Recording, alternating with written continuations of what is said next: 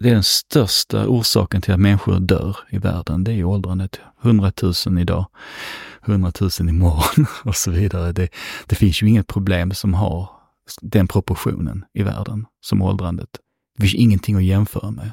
Så därför menar jag att det bästa vi kan göra är stoppa åldrandet.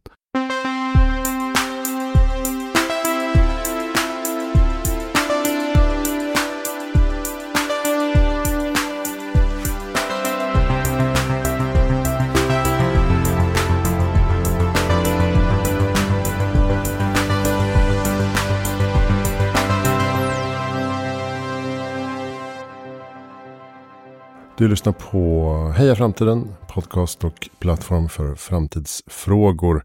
Jag heter Christian von Essen, sitter i min studio på Roslagsgatan i Stockholm. Det är lördag eftermiddag, en vacker dag som nästan känns vårig.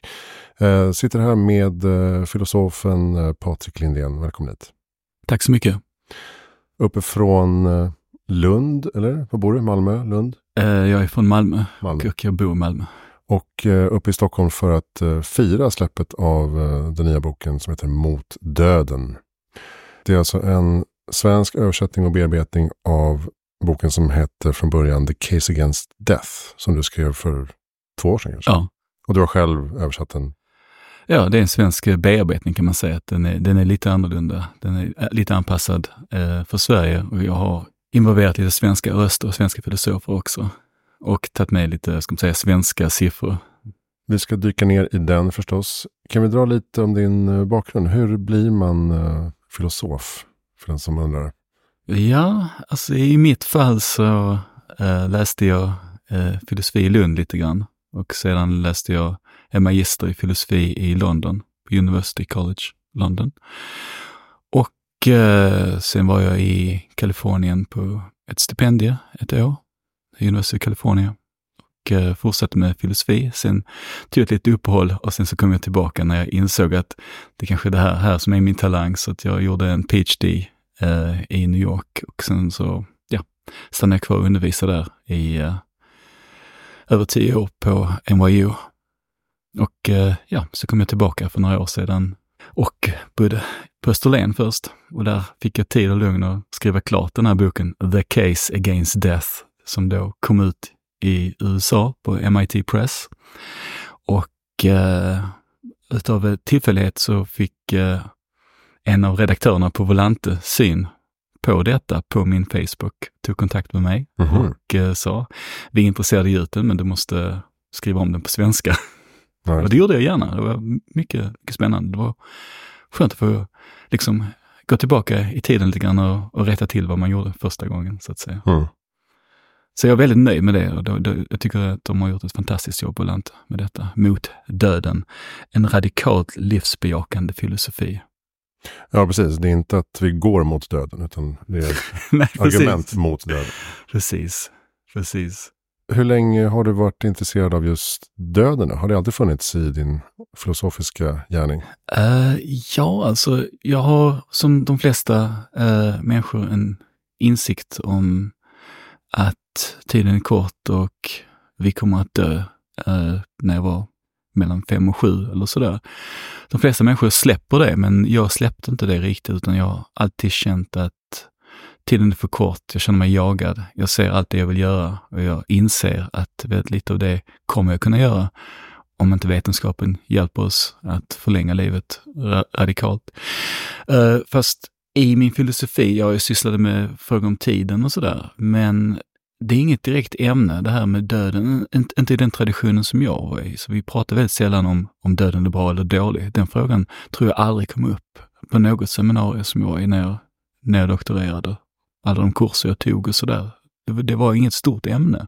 Eller longevity, det var, jag såg aldrig någon som hade det på, på, som, en, som en artikel som de presenterade på någon konferens eller sådär. Det, det är fortfarande ett ämne som är lite marginaliserat, kan man faktiskt säga i, i debatten. Man pratar om andra saker, medvetande forskning och sådana saker mycket, mm. mycket större. Så att jag gjorde ingenting av det, utan jag, gjorde, jag doktorerade i moralteori. Skrev, vad är det som gör våra moraliska påståenden sanna? Någonting, ingenting etc. I så fall vadå? Så, här. Mm. så det, det är också fascinerande fråga. Uh, så, så det var ju inte, uh, ska man säga, någonting om döden. Sedan så råkade på en middag var eh, en, en av gästerna sa att hon hoppades på att dö innan hon var 80 och hon tyckte det var härligt att åldras, för det skulle vara tråkigt att vara samma ålder alltid. och det triggade mig otroligt mycket. Mm. Eh, för, för jag tänker, det, det där kan ju inte vara möjligt. Du kan ju inte tycka det är kul att falla sönder. Du kan inte tycka det, det, det är acceptabelt att du bara ska leva till 80. Men, men det tyckte hon och jag började då studera det här och eh, jag upptäckte till min stora förvåning att det kanske är någon sorts, um, ja, det är en, en minoritetsuppfattning att uh, vi ska förlänga livet och att livet är för kort som det är och att, att vi inte ska åldras. Det, är, det är faktiskt uh, någonting som, som inte är uh, den allmänna opinionen. Det är ganska fascinerande egentligen att det här kan vara en kontroversiell bok. För ditt budskap är väl egentligen livet är, livet är bra, döden är dålig. Ja, det är min eh, slogan. Uh, hur, Life is good, death is bad. Och frågan är ju då hur man kan motsätta sig detta. Ja, det är helt otroligt. Och ibland måste jag påminnas om att, att det faktiskt finns folk där ute som inte håller med mig och, och kanske de flesta. Så det, jag har en debatt på Twitter med, med en norrman som heter eh, Jarle Breivik som i, i förrgår så skrev han på Twitter att, att min tes, Death is bad must be the most primitive and least thoughtful thesis ever. Han kanske inte har läst hela boken. Nej, jag säger det också, men, men, men eh, det är så att eh, på något sätt så, så finns det en, jag tror en ideologi som säger att om man är en vis och förnuftig människa så har man lärt sig att acceptera livets grundvillkor. Och man gör det bästa inom ramen, men man ifrågasätter inte ramen. Ja, just det. Du kallar det för vishetsläran. Jag kallar det för vishetsläran. Det är lite halvt ironiskt, för jag tycker ju att det, den är falsk. Det är en falsk visdom. Så jag, mm. jag kontrasterar det med, ska man säga, sann longevity research, sann långlevnadsforskning mot falsk visdom, att vi ska bara passivt acceptera och böja oss. Och vi, ska, vi ska satsa på att dö väl, som de säger. Inte på att leva längre, utan på att, på att dö väl. Ja, just det. Så du vänder dig mot det här idén om att uh, det finns uh, en viss cykel, vissa trappsteg. Mm. När man är över då den här pucken eller pyramiden, vad man säger, så går man neråt och det är också någonting vackert och uh, sen så småningom så vissnar blomman och, och dör och man mm. blir till jord. Ja. Eller vad man nu mm. tror på. Mm. Och du menar att det här är någonting fruktansvärt att vi, att vi köper detta? Ja. Att, uh, att kroppens nedbrytning och eh, förruttnelse skulle vara någonting eh, eftersträvansvärt. Exakt, jag, jag ser ju inget romantiskt i benskörhet och Alzheimers och allt det som händer när man är gammal, som inte händer när man är ung, just för åldrandet. Så jag, jag ger inga ursäkter för åldrandet eh, och, och, och, döden. Fast i, man ska säga, i filosofin så har det väldigt ofta varit det som varit filosofens uppgift och säg till den vanliga människan att du beklagar över livets korthet, men här är lite olika anledningar för varför det faktiskt är bra så som det är. Det är ett projekt att liksom rättfärdiga människans grundvillkor. Så antingen ser man det att, att Gud har bestämt det kanske, eller naturen har bestämt det så. Och det är ingenting som vi ska försöka eh, ifrågasätta, utan vi ska göra det bästa av den trappsteget. Utav först upp och sen ner och sen slut. Mm. Jag ser det med att mitt ideal lite grann att antingen så är det så att jag ser att, att vi bara liksom fortsätter uppåt mm. och utvecklar oss själva. Så jag ser oss som liksom projekt som hela tiden håller på att förbättra sig. Och jag, jag tycker, ser inget nödvändigt slut. Jag säger inte att vi ska leva till 120 eller 200, utan vi ska leva så länge vi har ett värde i att leva. Det finns inget naturligt slut, så som jag ser det. Och jag tycker inte det definierar en människa att hon bara lever till en viss ålder, 100 eller något sånt där. Jag, jag upplever det som ganska godtyckligt. Ja, för den gränsen pushas ju hela tiden ändå. Alltså, ja. vi lever ju längre och längre och längre. Exakt. Eh, då är det märkligt att ha den där föreställningen om att jag ska ja. leva till 80. Ja. Och se på en 80-åring idag, det är en pigg människa ofta. Och, och, och då folk som har läst sitt filosofi, de, de lägger, lägger ofta till det att om du lever längre än det naturliga, då är du inte människa längre eller någonting åt, åt det hållet. Mm. Och det tycker jag är en otroligt märklig definition av människa. Att, att det essentiella med mig är att jag ska få benskörhet och, minnesproblem och yrsel och jag upplever det som störande mig, så att mm. säga. Jag, Patrik Lindén här, jag är inte mitt åldrande. Jag är inte att min hy är mindre elastisk eller mina ben är mer sköra och min reaktionshastighet går ner och så vidare. Det, där, det, det, det är bara liksom hinder. Så, så ser jag det. Inte som något som definierar mig, utan som hinder. Ja, precis. Det är som att man blandar ihop ålderdom och åldrande. Alltså att bli ja, gammal ja, precis. med åldrande. Ja, det, det, det är helt sant. Så jag argumenterar, och det förbryllar folk, men jag argumenterar ju att det är jättebra att bli gammal. Jag tycker det är jättebra att bli, bli gammal och många gamla har det också bra. Men jag menade att det är trots deras åldrande, trots den biologiska nedbrytningsprocessen, det är trots det de har det bra. De har det bra för att det är bra att leva länge, för att man samlar på sig erfarenheter, man gör fel, man korrigerar sig, man försöker göra bättre. Mm. Det är det som gör, gör det bra att vara gammal, det är inte benskörheten, till exempel. Hej, det var Christian här. Dags för ett litet reklamavbrott. I tuffa tider är det vanligt att företag skiftar sin marknadsbudget från eh, varumärkesbyggande till mer konkreta säljåtgärder. Man vill ha leads helt enkelt. Samtidigt vet man ju att i uppförsbacke man kan gasa för att skaffa sig försprång och bygga synlighet och förtroende för sin målgrupp och marknad. Jag tror inte att det ena behöver utesluta det andra egentligen. Eh, därför jobbar jag nu med att eh, kroka arm med business-to-business-bolag som vill både bygga varumärke och generera relevanta leads till sin affär. Det kan man göra genom att eh, sponsra hela poddavsnitt med eh, en av era experter. Då kan man, så kan man bygga vidare med sponsrade segment i andra avsnitt. Eh, man kan använda mig som copywriter och bollplank för bloggtexter, white papers, kundcase och så vidare. Och så kryddar vi med poster, i sociala medier och eh, närvaro i nyhetsbrevet. När vi kommit så långt så har vi ju ett redan tätt samarbete och då kan vi titta vidare på om det finns behov av omvärldsbevakning, internpoddar, föreläsningar eller andra sätt att utveckla lärandet i organisationen. Om du sitter med planer för detta och kliar i huvudet så är det bara att ta kontakt så tar vi en kaffe och diskuterar diskutera lite hur ett sådant upplägg skulle kunna se ut. Eh, jag ser det här som en fantastisk plattform som jag byggt upp med eh, beslutsfattare som är framåtlutade och nyfikna på framtiden. Och jag tror att det är en sån kontext man vill vara om man vill eh, skapa förtroende för sin målgrupp. Hur som helst, hör av dig på DM eller mail så tar vi en kaffe. Christianfonessen gmail.com. Nu tillbaka till programmet.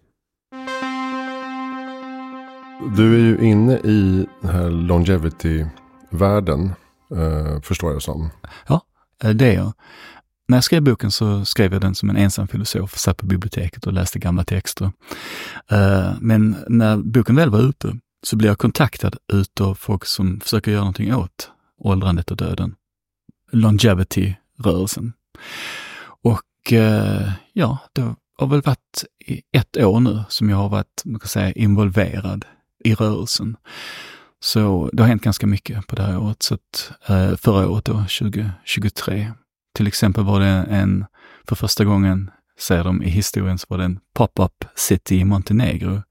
Under två månader så samlades eh, olika vetenskapsmän, eh, de flesta med fokus på eh, just longevity och för, för att komma fram till hur, hur angriper vi den här? Och framförallt, hur väcker vi människor? Hur väcker vi vetenskapen till att att vi måste slå mot roten till alla folksjukdomar, vilket är åldrandet. ju.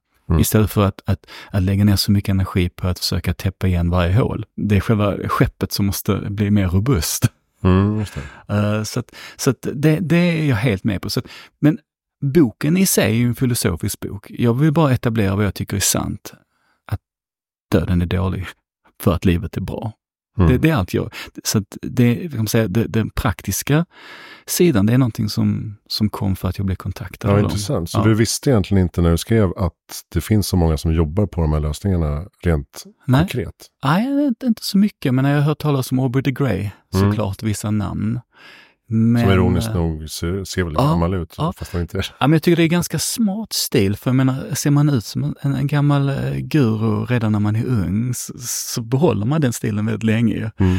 Uh, det är folk som, som blir grå när de är unga, sen, sen ser de lika gamla ut resten av livet. Ja, precis. Det, det, det är kanske inte så dum strategi. Han ser, ser alltid urgammal ut. Ja, han ser ett långt grått skägg. ja, har långt grått skägg. Han ser ut som Guru från Mm. 60-talet. Han är långlevnad, ska man säga. Han är den viktigaste, har varit den viktigaste personen för att säga, höja medvetandet om det. Men nu har det kommit nya stjärnor ju, som David Sinclair Mm, till exempel. Och Andrew Steele, också en, en, eh, en läkare som, som eh, har populariserat detta mycket. Och också kan man säga på, på en extrem Brian Johnson till exempel. Ja, just det. Ja. Som kör han mer biohacking approach Ah. till, till det hela. Han lever sitt liv som ett experiment, Mm. bokstavligt talat då, så att han, han mäter och väger precis allting han, han äter och han gör ingenting som inte optimerar hans livslängd då. Och så tar han då mått på det. Saken, alltså det är ett jättestort problem, jättehemskt problem, det är att det tar ju väldigt lång tid för oss att veta om några av de här eh, interventionerna fungerar. Mm. Hur, hur, hur gör vi det? Så vi, vi, vi försöker kolla på det biomarkers. Vi ser vad finns det då för tecken på att någonting saktar ner åldrandet och sådär. Men eh, vi kan ju inte köra hundra år långa studier. Eh, Nej, det, då, då tar det för lång tid, utan vi måste hitta, vi mäter andra saker, blodvärde och sådana här saker för, för att se om, om någonting funkar. Så det var en sak. Eh, sen så finns det en, ny rörelse som jag varit lite involverad i att formulera som heter vitalism. Och där har vi som praktiskt mål att i världen ska vi satsa 1% av världens eh, bruttonationalprodukt på att bota åldrandet. Okej. Ja, det var tydligt. Ja. Ehm, Precis. och då krävs det att åldrandet klassas som en sjukdom då, som det här gänget vill. Och som du också vill antar jag. Ja, det finns en diskussion här. Det finns de som säger att det behövs inte. Det, det räcker ju att det är, om man säger så att, att rökning orsakar massa saker och därför är vi emot rökning och försöker utplåna det och så där. Man kan, man kan också se åldrandet är, vad ska man säga, huvudorsaken till alla de här sjukdomarna, vare sig vi kallar det en sjukdom eller inte. Så det finns de som argumenterar att, att, att det, det är inte nödvändigt att åldrande klassificeras som en sjukdom. Det kan bara klassificeras som en risk, så att säga, någonting som är värt att göra någonting åt. Fast eh, det kan finnas, eh, när, när det gäller att söka anslag och sådär, så ska man ofta säga att den här medicinen den botar just det här. Och då kan det vara att säga, praktiskt att, att se åldrandet som en av de saker som en medicin legitimt kan ses som bota. Eh, Så, så att ja, politiskt och i, i systemet och sådär så kanske det kan vara bra. Risken tycker vissa att ah, det stigmatiserar vi de äldre, om man säger så här att Mm, du är sjuk och sådär. Men jag, jag vet inte om jag köper det för att vi är alla sjuka ju, så att säga. Och jag tror moralen är väl inte att vi är dåliga mot de som är sjuka. Vi är alla sjuka. Så att säga. Mindre när vi är 20, mer när vi är 50 och så vidare. Så Mm. Jag vet inte. Jag vet inte riktigt, men ja, exakt. Eh, Det handlar om att, att vi tycker att det har en oerhört större, mycket större potential att attackera åldrandet än att attackera de olika sjukdomar som vi ser som, snarare som symptom. Ja, just det. Vi har haft med Linus Pettersson också i, Ja. podden som pratar om detta. Just att om det skulle klassas som en sjukdom så skulle man kunna betydligt lättare ansöka om forskningsmedel och liksom Exakt. koncentrera sig på Exakt. i sig, inte bara förklä forskningen i andra sjukdomar. Nej, precis. Alltså, som filosof så tycker man, alltså vilken dum diskussion, det spelar bara ingen roll vad man kallar det. Det orsakar alla de här folksjukdomarna oerhört mycket lidande och död, det räcker väl. Alltså, varför ska vi ha en sån här semantisk diskussion? Mm. Men som vi sa tidigare, i själva systemet med anslag och sådär, så, så kan det vara bra att säga, här är indikationen. Indi, indikationen är åldrande så att säga och det är på samma nivå som eh, cancer eller Alzheimer eller så, någonting sådär, sånt där, fast, fast ännu allvarligare. Jag tror att vå- vårdapparaten motsätter sig detta för då skulle de få plötsligt en miljon människor som hör av sig och säger ja det är det här med åldrandet Ja. som jag Ja. behöver komma in för. Ja. Okej, Ja. välkommen in. Ja, ja. ja men de hade haft rätt. Mm. Det är ju det vi kommer in för egentligen. Egentligen, ja, Ja. just det. Ja, Eh, och Aubrey de Grey pratar ju om det här Longevity Escape Velocity. ja visst. Hur? Ja. Det är en, en, Ja. en rolig teori, en modell för hur det faktiskt skulle kunna gå till. Då. Kan du beskriva kort om det bara? Ja, alltså det handlar om att just nu så i bra, bra områden i världen så lägger vi till ungefär ett år och fjärde år i genomsnittslivslängd. Om vi kan komma upp och lägga till ett år plus en dag, då lägger vi till mer än ett år varje år vi lever. Och på så vis kan vi hela tiden springa från åldrandet. Vi ligger lite före mm. döden så att säga. Vi springer från döden. Vad det handlar om just nu, det är faktiskt att vi fokuserar på vår hälsa så att vi är hälsosamma tillräckligt länge för att få de eh, mer betydelsefulla vetenskapliga eh, hjälpmedlen att hålla oss eh, unga och friska och vid liv. Så att för att just nu så, så, så det finns ju ingenting som man kan sitta och lova och, och ta, ta det här så kommer du leva mycket längre. Nej. Det är inte så, utan det är de gamla beprövade livsstilsåtgärderna som har störst inverkan just nu. Ja, samtidigt så säger ja. väl Longevity-gänget att livsstilsförändringar kan ta oss till fler hälsosamma år ja. inom ramen, ja. alltså 120. Exakt. Men om vi ska bryta den ramen Exakt. så måste vi till eh, medicin och läkemedel. Exakt, så, så jag som är emot eh, själva döden, jag tycker det är bra att vi håller oss hälsosamma länge, men vi måste också göra någonting åt att vi dör. Man måste jobba både på det nära och på det mer, lite mer ambitiösa. Så ja, om du inte röker, om du inte dricker, om du rör dig, om du har vänner, om du har mening i ditt liv och så vidare, alla de här sakerna, då kommer du nå ditt tak. Men ditt tak kommer väl ändå vara omkring 100 eller kanske högst 120. Mm. Det måste vi göra någonting åt. Och det finns en ganska, vad ska man säga, oroad diskussion inom longevity. Att eh, många av de som är lite mer radikala, de säger ja, ja, det är ju bra att vi är friska, men det är också viktigt att vi är vid liv. Glöm inte bort det. Mm. Och där diskussionen mellan health span och lifespan. Exakt. Lifespan innebär att leva fler år. Exakt. Uh, healthspan innebär att leva fler ja. friska år. Precis. Och det är ju så att healthspan, det är ju ett koncept som, som är lättare att sälja och, och som, som många är med på. Men om vi bara satsar på det, ja, då når vi taket och inget mer. Och det är inte tillräckligt tycker jag. Mm. Men tror du att vi inom det här århundradet kommer um, klara av att uh, föda 150-åringar till exempel? 150-åringar? inom detta århundradet. Eh, alltså inte att de blir kanske 150, men ja. att de är på väg. Ja, det, det tror jag. Ja, det tror jag.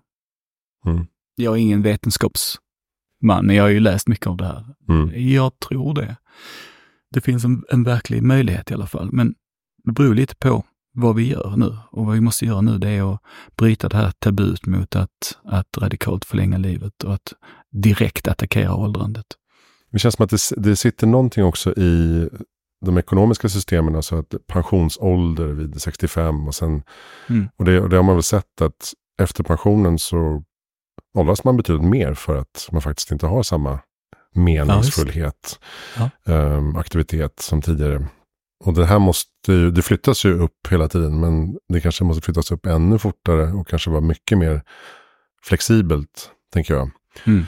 Uh, man kanske inte, jag, jag tänker inte att jag går i pension alls förmodligen, eftersom jag Nej håller på med mina grejer och det kan jag göra så länge jag lever. Mm. Och vill göra förmodligen ja. eh, så länge jag lever. Precis. Och därmed hålla igång en, eh, en process som är framåt, inte neråt. Ja. Så att säga. Jag, tror, jag tror mycket av den oro som finns omkring detta, det bygger just på ett lite föråldrat sätt att se på vårt arbetsliv. Som kommer från det industriella, att ja, du ska precis. arbeta. Och stämpla in och ja. stämpla ut. Och sen är det klart. Men det är många som är rädda för, för det här radikal eh, livsförlängning, just för de vet inte riktigt vad de ska göra med den här tiden. Att de, de har fått en, en karta, en modell utav samhället som säger att du ska göra vissa saker, A, B, C, D, ungefär som en uh, shoppinglista man går in på ett varuhus. Mm.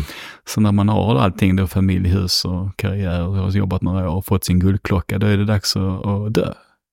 Då ska man bara göra det bra, precis som man gjorde, man var en bra ungdom och man var en bra jobbare. Sen, mm. sen ska man vara bra på att dö och sen är det slut. Så finns det, ja, precis. Då ska du liksom, det är många som skrivit om det här att, att man blir gammal utav ideologi. Att, att det här att man får för sig att nu måste man ta det jättelugnt och nu, nu kan man inte göra någonting mer. Då blir du också gammal. Så ja, det tycker jag är Use it or lose it. Nu ska du varva ner. Ja, i, i vadå, 30 år? Ja, visst. Det är helt sjukt. Ja, visst är det. Det, det är gammalmodigt. Allt det där kommer, tror jag kommer förändras. Mm. Hur ser du på det argumentet att dödligheten i sig ger människan mening? Mm. Alltså att vi vet att det finns en, en deadline för det vi ska åstadkomma. Och att eh, därmed så åstadkommer vi saker. Och att om vi inte hade någon övre gräns så skulle vi tappa den eh, meningen och det drivet. Så att säga. Mm, mm. Nej, jag tror att det finns väldigt mycket som vi är motiverade att göra som tvärtom vi blir mindre motiverade att göra när vi tänker på att vi ändå snart ska dö. Som att vår nyf nyfikenhet, att vi vill läsa, förkovra oss, lära oss saker. Som till exempel just nu, de senaste åren, så har jag tänkt att det är inte lönt att jag lär mig italienska. Mm. För jag kommer inte ha så mycket tid att utöva det.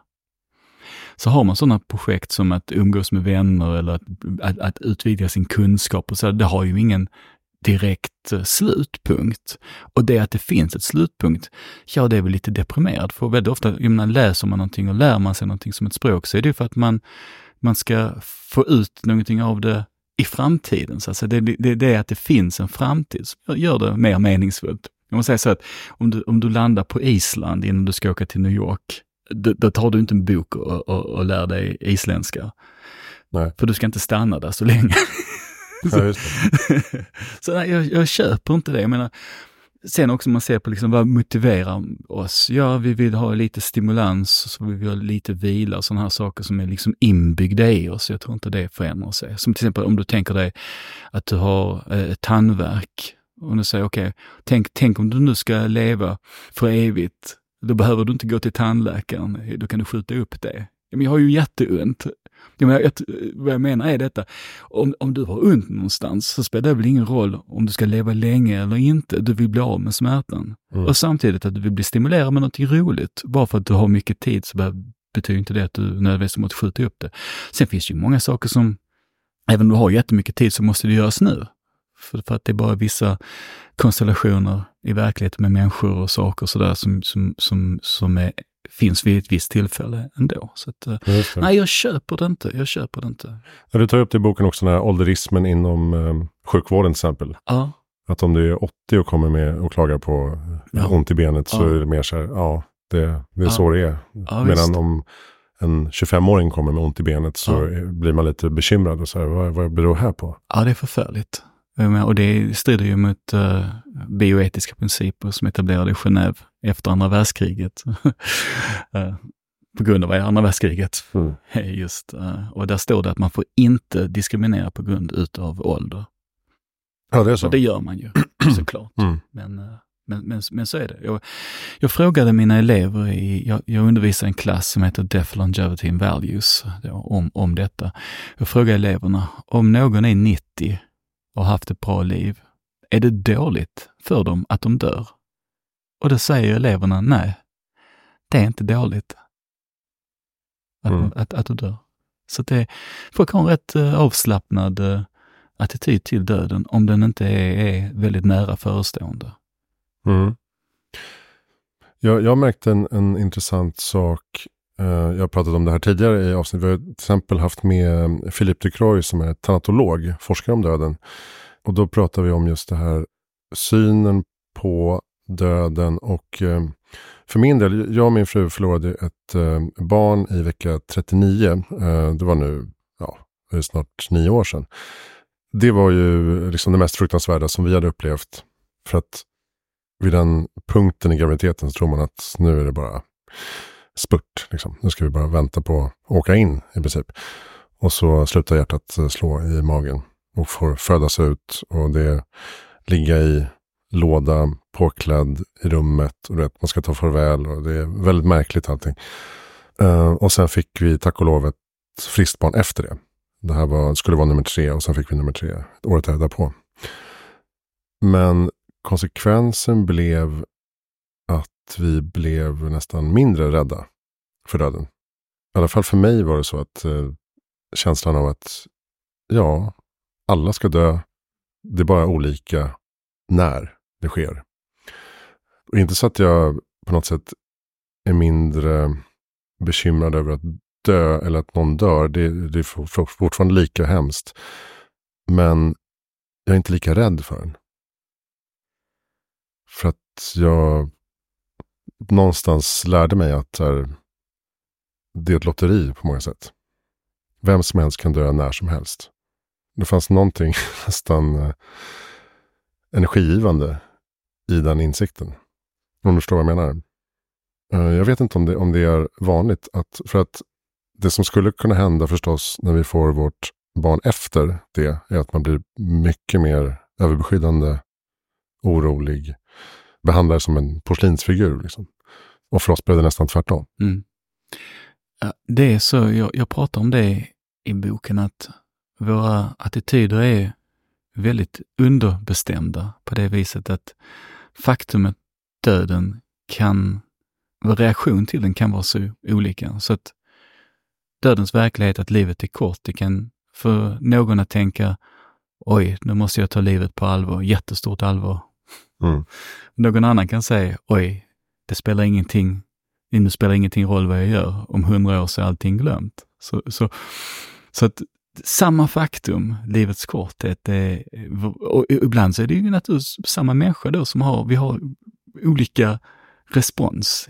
Uh, mm. Ibland så tycker vi att liksom, det att vi bara har ett liv och sådär gör allting ännu viktigare. Och ibland tycker vi, att det spelar ingenting roll, vi ska ändå dö. B båda sakerna är, ska man säga, sanna, mm. är, är liksom emotionellt. Och det är, så det är en viss jättestor underbestämdhet. Ja, nej, och, och jag känner nog att jag inser livets begränsning och vill få så mycket gjort som möjligt under min tid på jorden. Men jag vill samtidigt leva så, absolut så länge som möjligt. Ja, precis. För då hinner jag göra ännu mer. Ja, visst. Nej, alltså mitt, mitt ideal är ju att, att alla människor kan leva så länge de vill. När är det liksom okej okay att önska sig döden? Det är ju när man lever, när livet är då sämre än döden skulle vara. Alltså man lever med ja. smärta, ångest, vännerna kanske är borta sedan länge. Ja. Man har ingen som förstår en riktigt, man hör dåligt och så vidare. Mm. Och det finns inget hopp. Nej. Det finns alltså saker som är värre än döden. Det kan man säga är positivt med döden, att det, det är en utväg när saker och ting är fullständigt desperata och hopplösa. Jag tror allt för många tar den vägen av misstag, men det är bra att det finns. Så att jag upptäckte det, att det var intressant att hur mycket jag än är emot döden så är jag inte direkt för, vad ska man säga, odödlighet. Bokstavligt talat. Att man inte kan dö. Nej. Så det öppnar upp fruktansvärda scenarier. Ja, om livet är fruktansvärt och så kan du inte dö. Ja. Det blir ju ett ja, oändligt lidande då. Ja, jag, jag föreställer mig att, att man är begravd, levande begravd kanske. Mm. Efter en jordbävning eller någon olycka. Och så kan man bara ligga där medan sedimenten lagrar sig ovanpå en. Man ser ingenting, man hör ingenting och man kan inte röra sig framför allt i miljontals år. Mm. Det är ett helvete. Och den risken finns förr eller senare. Ja. Och den risken är, den är så, ska man säga, det helvetet är så fruktansvärt dåligt att det är möjligt att, att den är inte är värd att ta den chansen, att den möjligheten finns. Mm. Så, så det är teoretiskt så, men praktiskt sett så är det inte så att vi kan bli, menar jag, odödliga i en fysisk värld. Det finns ett intressant avsnitt av Black Mirror, jag kommer inte ihåg vad det heter, men uh, i en framtid där man kan uh, uh, ladda upp sig mot i VR, i metaverse så att ja, säga. Ja. Och då är det en person som ska hämnas på en annan och uh, ser till att den personen är uppladdad och är inne i metaverse och han liksom stänger av möjligheten att komma tillbaks. Ja. Och vrider upp klockan på tusen år. Oh. Och går och lägger sig. Så oh. att den här personen lever då, sin verklighet är på riktigt. Och ja, ja. är i ett vakuum ja, i tusen år. Ja, ja, Sånt här är lite, lite ja, visst, visst. kittlande. Apropå en framtid där man kan liksom leva i flera dimensioner. Ja. Så, så du, du, är inte helt emot liksom, aktiv dödshjälp om man verkligen vet att man befinner sig i livets slutskede och uh, bestämmer sig för detta? Nej, inte moraliskt. Uh, sen politiskt får man ju se om det är en bra idé. Men det är ju också att det finns ett val, så att säga. Alltså människan får ja, välja. Visst. Nej, absolut. Jag upplever att det handlar mycket om frihet. Mycket det som gör mig frustrerad med åldrande och död är just att det är inget val, utan det är påtvingat. En påtvingad gräns. Det finns ingen respekt för mina projekt. Det finns ju en teoretisk riktning i, i boken också. Där man säger att uh, ungdomens liksom, passion och drifter och sånt avmattas med åldern. Och uh, därmed kan vi få mer tid att utveckla vårt intellekt. Och liksom ja. att, att det finns en sån positiv uh, aspekt med ja. själva åldrandet i sig. Ja. Kan du köpa det till viss del? Eller ja, det... jag, jag kan köpa det till viss del. Uh, det finns ett begrepp som heter geotranscendens. Det, man heter Törnqvist som, som diskuterar det. Just att, att uh, när man blir äldre så blir man andligare, kan man säga. En viss sorts, nä, nästan eufori kanske.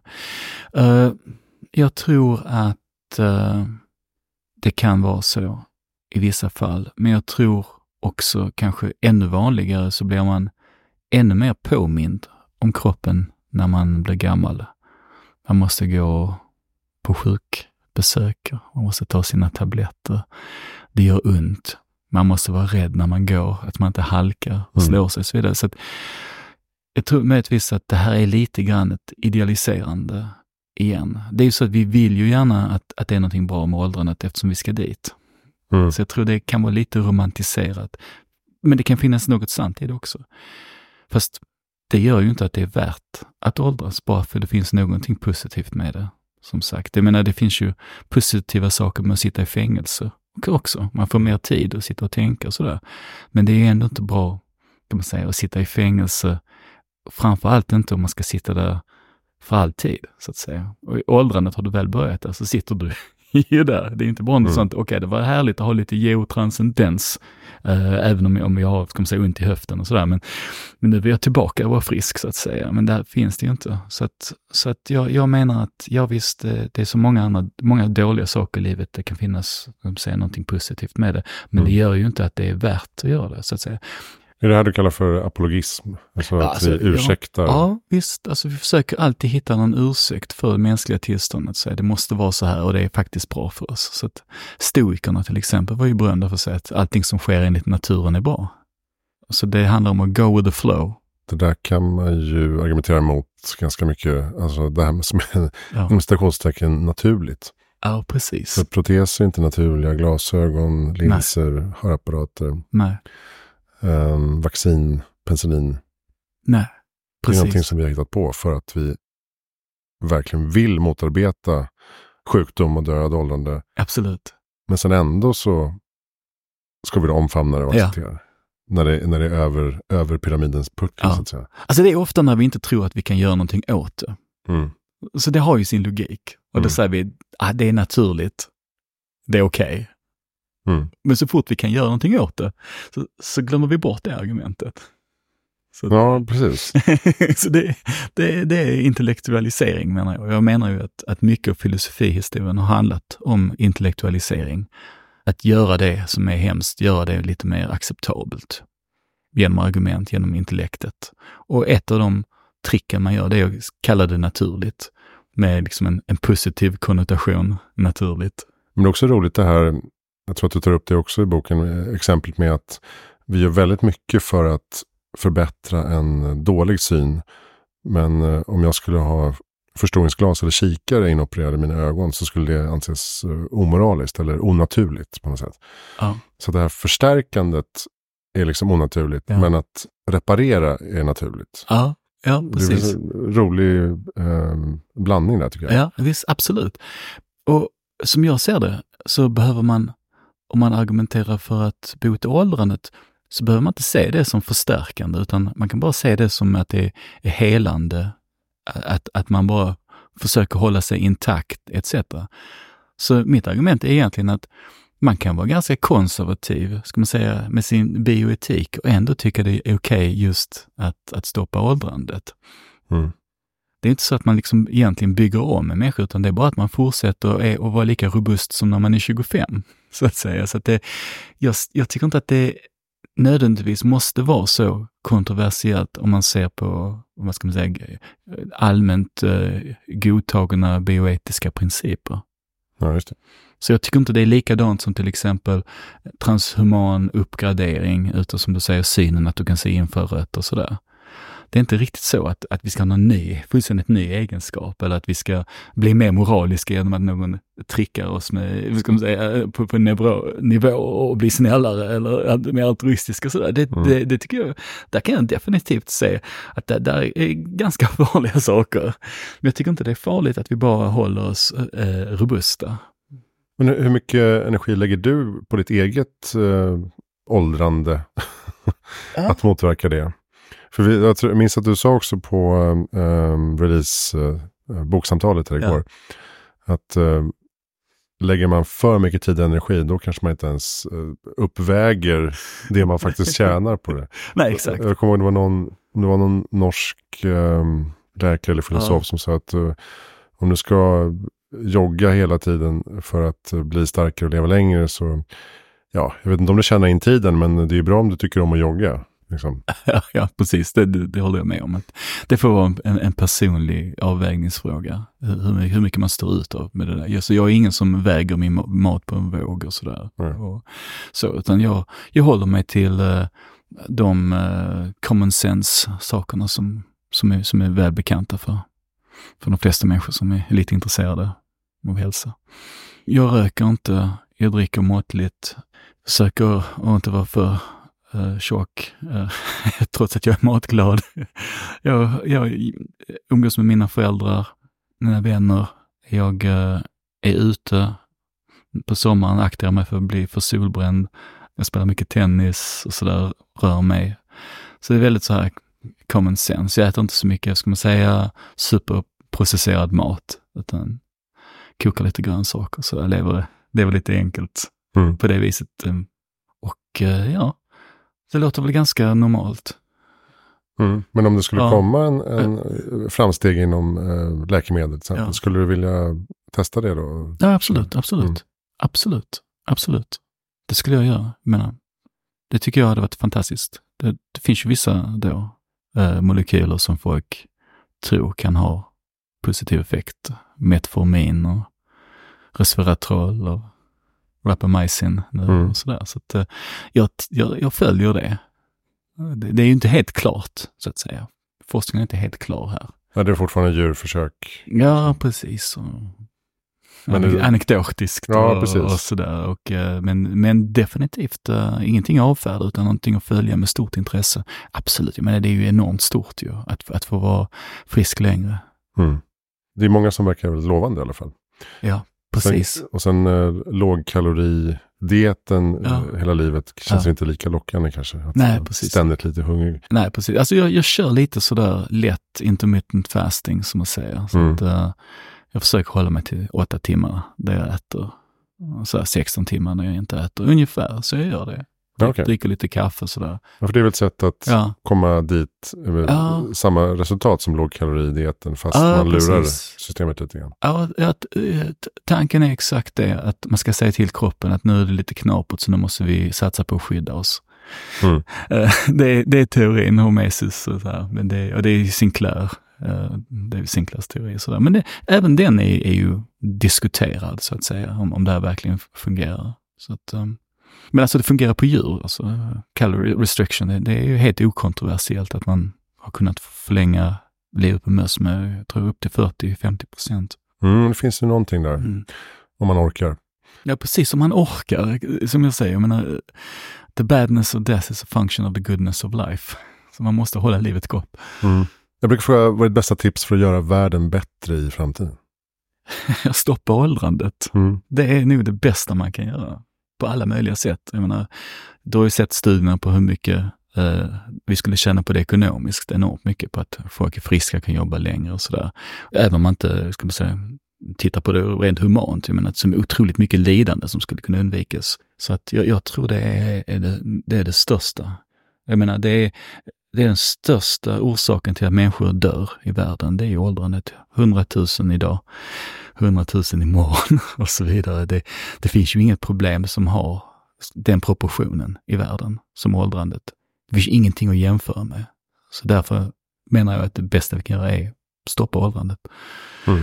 Reversera det till och med, för de som har blivit äldre. Och det är väl det den här föryngringsprocessen då i, på cellnivå skulle kunna...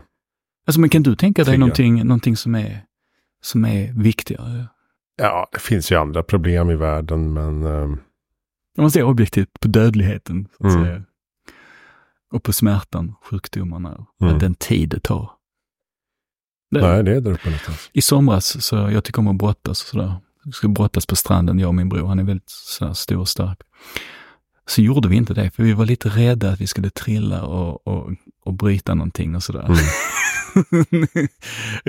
det är den där ofriheten som smyger sig in. Just det, nu har du kommit dit. Ja, det har jag faktiskt. Jag vill inte liksom bryta någonting så kan jag inte spela tennis och sådär. Liksom. Men inte lika, lika flexibel och sådär.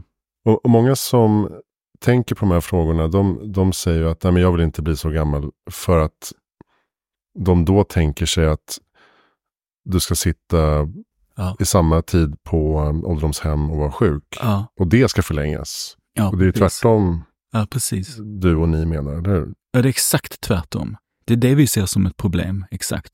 Det enda sättet att göra någonting åt det, menar vi, det är ju att bromsa åldrandet. Men, men förr eller senare så kommer man ju till döden så att säga. Vad dör man av då om man Ah. lyckas bromsa åldrandet? Ja, Alltså, alltså, det, blir, det blir ju mycket svårare att dö helt enkelt. Man dör, alltså det dör ju miljontals människor av andra anledningar. ju, Så att det finns ju andra sjukdomar så att säga som, som inte är, är åldersrelaterade och sådär. Och olyckor och sådär. Så det, de som räknar på det, de menar att, att om man tar bort åldrandet ur ekvationen så får vi räkna med ungefär tusen år, kanske 2000 år. Om man bara ser på, på statistiken, alltså, hur folk dör. Och då tusen år, Ja, alltså för, att, för om, om du har en på tusen möjlighet eller risk att dö av en olycka i år, så blir det att på tusen år så har Jaha. du väldigt stor möjlighet att du, att du dör. okej, Så om vi har säga. Om, vi har, liksom, om du inte har löst precis. åldrandet helt. Ja, har du löst åldrandet Mm. så dör människan ändå ju, så att säga. Och då, en, fullständigt, en, en människa som är ageless, vilket är vårt ideal, eh, är ju inte odödlig, utan statistiskt sett menar vi, om, om olycksnivån och, och andra, andra orsaker är på samma nivå så är, räknar vi med 1000-2000 år. Men, men det, det är ju teoretiskt sett är möjligt att leva miljontals år ageless, så Mm. länge liksom förhållanden omkring dig är, är gynnsamma. Men du tror inte på den här transhumanistiska idén om att vi kan faktiskt ladda upp vårt medvetande i någon slags moln och leva vidare som en annan entitet? Nej, det tror jag inte, utan jag tror det, det blir bara kopior av oss. Mm. Folk har ju olika intentioner här. Det är en jättelång debatt i filosofin Mm. om vi kan. Jag menar det att, att det, idén är att, att vi är information essent, essentiellt sett. Och det är inte essentiellt att vi lagrar informationen i neuroner och mänskliga köttbaserade hjärnor, utan vi kan lika gärna finnas i en server som är uppbyggd kanske av något annat material, silikon och andra grejer. Min intuition är att eh, den programvaran är inte jag. Och mitt argument är lite grann att om vi nu säger att någon har tagit all min information och just nu så kör de det på en dator i andra rummet här. Jag vet ju att jag sitter här. Mm. Det är inte jag. Jag kan gå in där och titta på, på maskinen. Det är jag som tittar på maskinen. Mm. Det är kanske någonting där som simulerar mig. Jag tänker, det, egentligen är det inte så- så annorlunda än andra materiella objekt. Man säger, det finns ett Eiffeltorn i, i eh, Las Vegas. Ja. Om, om man tänker sig, vad är det som, som gör att det inte är Eiffeltornet? Är det det att om man, om man gör det lite mer perfekt, så att säga, om man gör det lite, replikan lite bättre, till slut så blir det Eiffeltornet. Eh, Så är det ju inte va? Nej. Det, kan, det har ingenting med hur perfekt du gör det, Eiffeltornet i Las Vegas. Det är inte Eiffeltornet. Så så menar jag, det spelar ingen roll, det är inte, om de har all information och så kör de det någon annanstans på Mm. server. Det spelar ingen roll hur perfekt den informationen är, det är inte jag, menar jag. Det är min intuition. Och så finns det de som, som menar, men, men, men hur kan du säga det? ja, och där, det, det är en jättestor, det är jättestor fråga. Mm. Jag vet inte, vad står du där? Ja, men jag, stö- Ja. jag, jag håller med i det. Alltså jag tror inte heller alltså, att vi är mer än vår information, så att säga. Ja. Våra minnen och kunskaper, utan vår personlighet, alltså om man vill säga, jag vet inte om man vill använda ordet själ, men Ja. det är ju mina brister, mina referenser, eh, mina, som jag kastas tillbaka till minnen av en doft, av ett ljud, humor, det är ju allt som sker runt den här informationen Ja. som är jag, så att säga. Ja.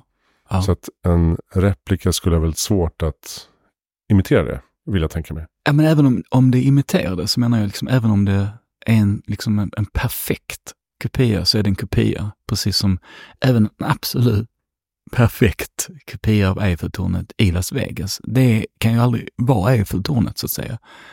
Mm. Menar jag. Så att uh, jag tror inte på det. det men, men sen, sen, är jag också ödmjuk.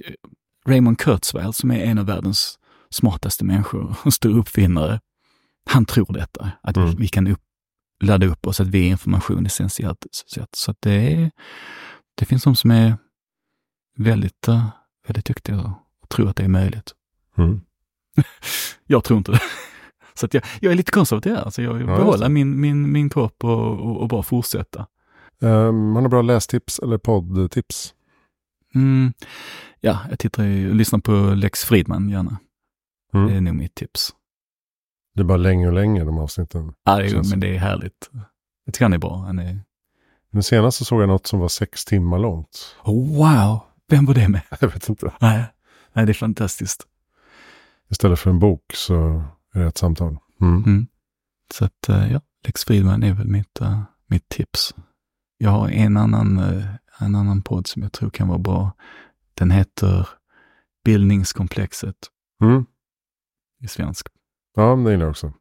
Lite besläktat med det jag gör också. Ja. Att man slår ner på ett nytt ämne, ny människa varje vecka och eh, försöker lära sig något nytt.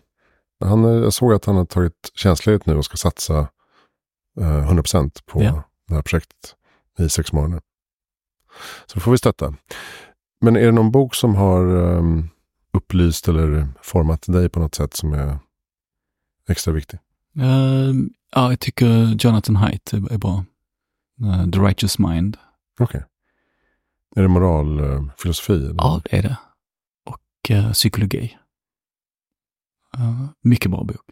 Mm. Mycket bra tänkare, tycker jag. Grymt. Vem tycker att jag ska intervjua? Jag ska intervjua Jonathan Haidt. Som ja, kanske. Mm. Uh, han är vid uh, NYU.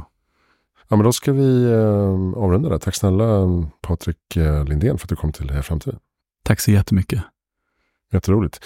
Boken heter alltså Mot döden, en radikalt livsbejakande filosofi. Finns ute nu på Volante förlag. Och eh, det andra avsnittet om döden som jag refererade till med eh, Philip de Croy är eh, nummer 418. Så det kan man också titta på om man är intresserad av detta. Och vill man veta mer om longevity och arbetet med läkemedel och medicin mot detta, så, mot åldrande, så kan jag rekommendera avsnitt 498 med Linus Pettersson. Tack snälla Patrik för att du kom hit. Tack så mycket, det var jättetrevligt. Och eh, hejframtiden.se hejaframtiden.se för alla intervjupersoner och eh, mina böcker, bokförlag, eh, nyhetsbrevet finns på Substack. Vi kör Bartalk Live talkshow varje kvartal på United Spaces och jag kör nu min föreställning och föreläsning Allt känns som skit. Så därför måste vi heja på framtiden. Kontakta mig för mer information om detta. Jag heter Christian von Essen. Tack för att du lyssnade.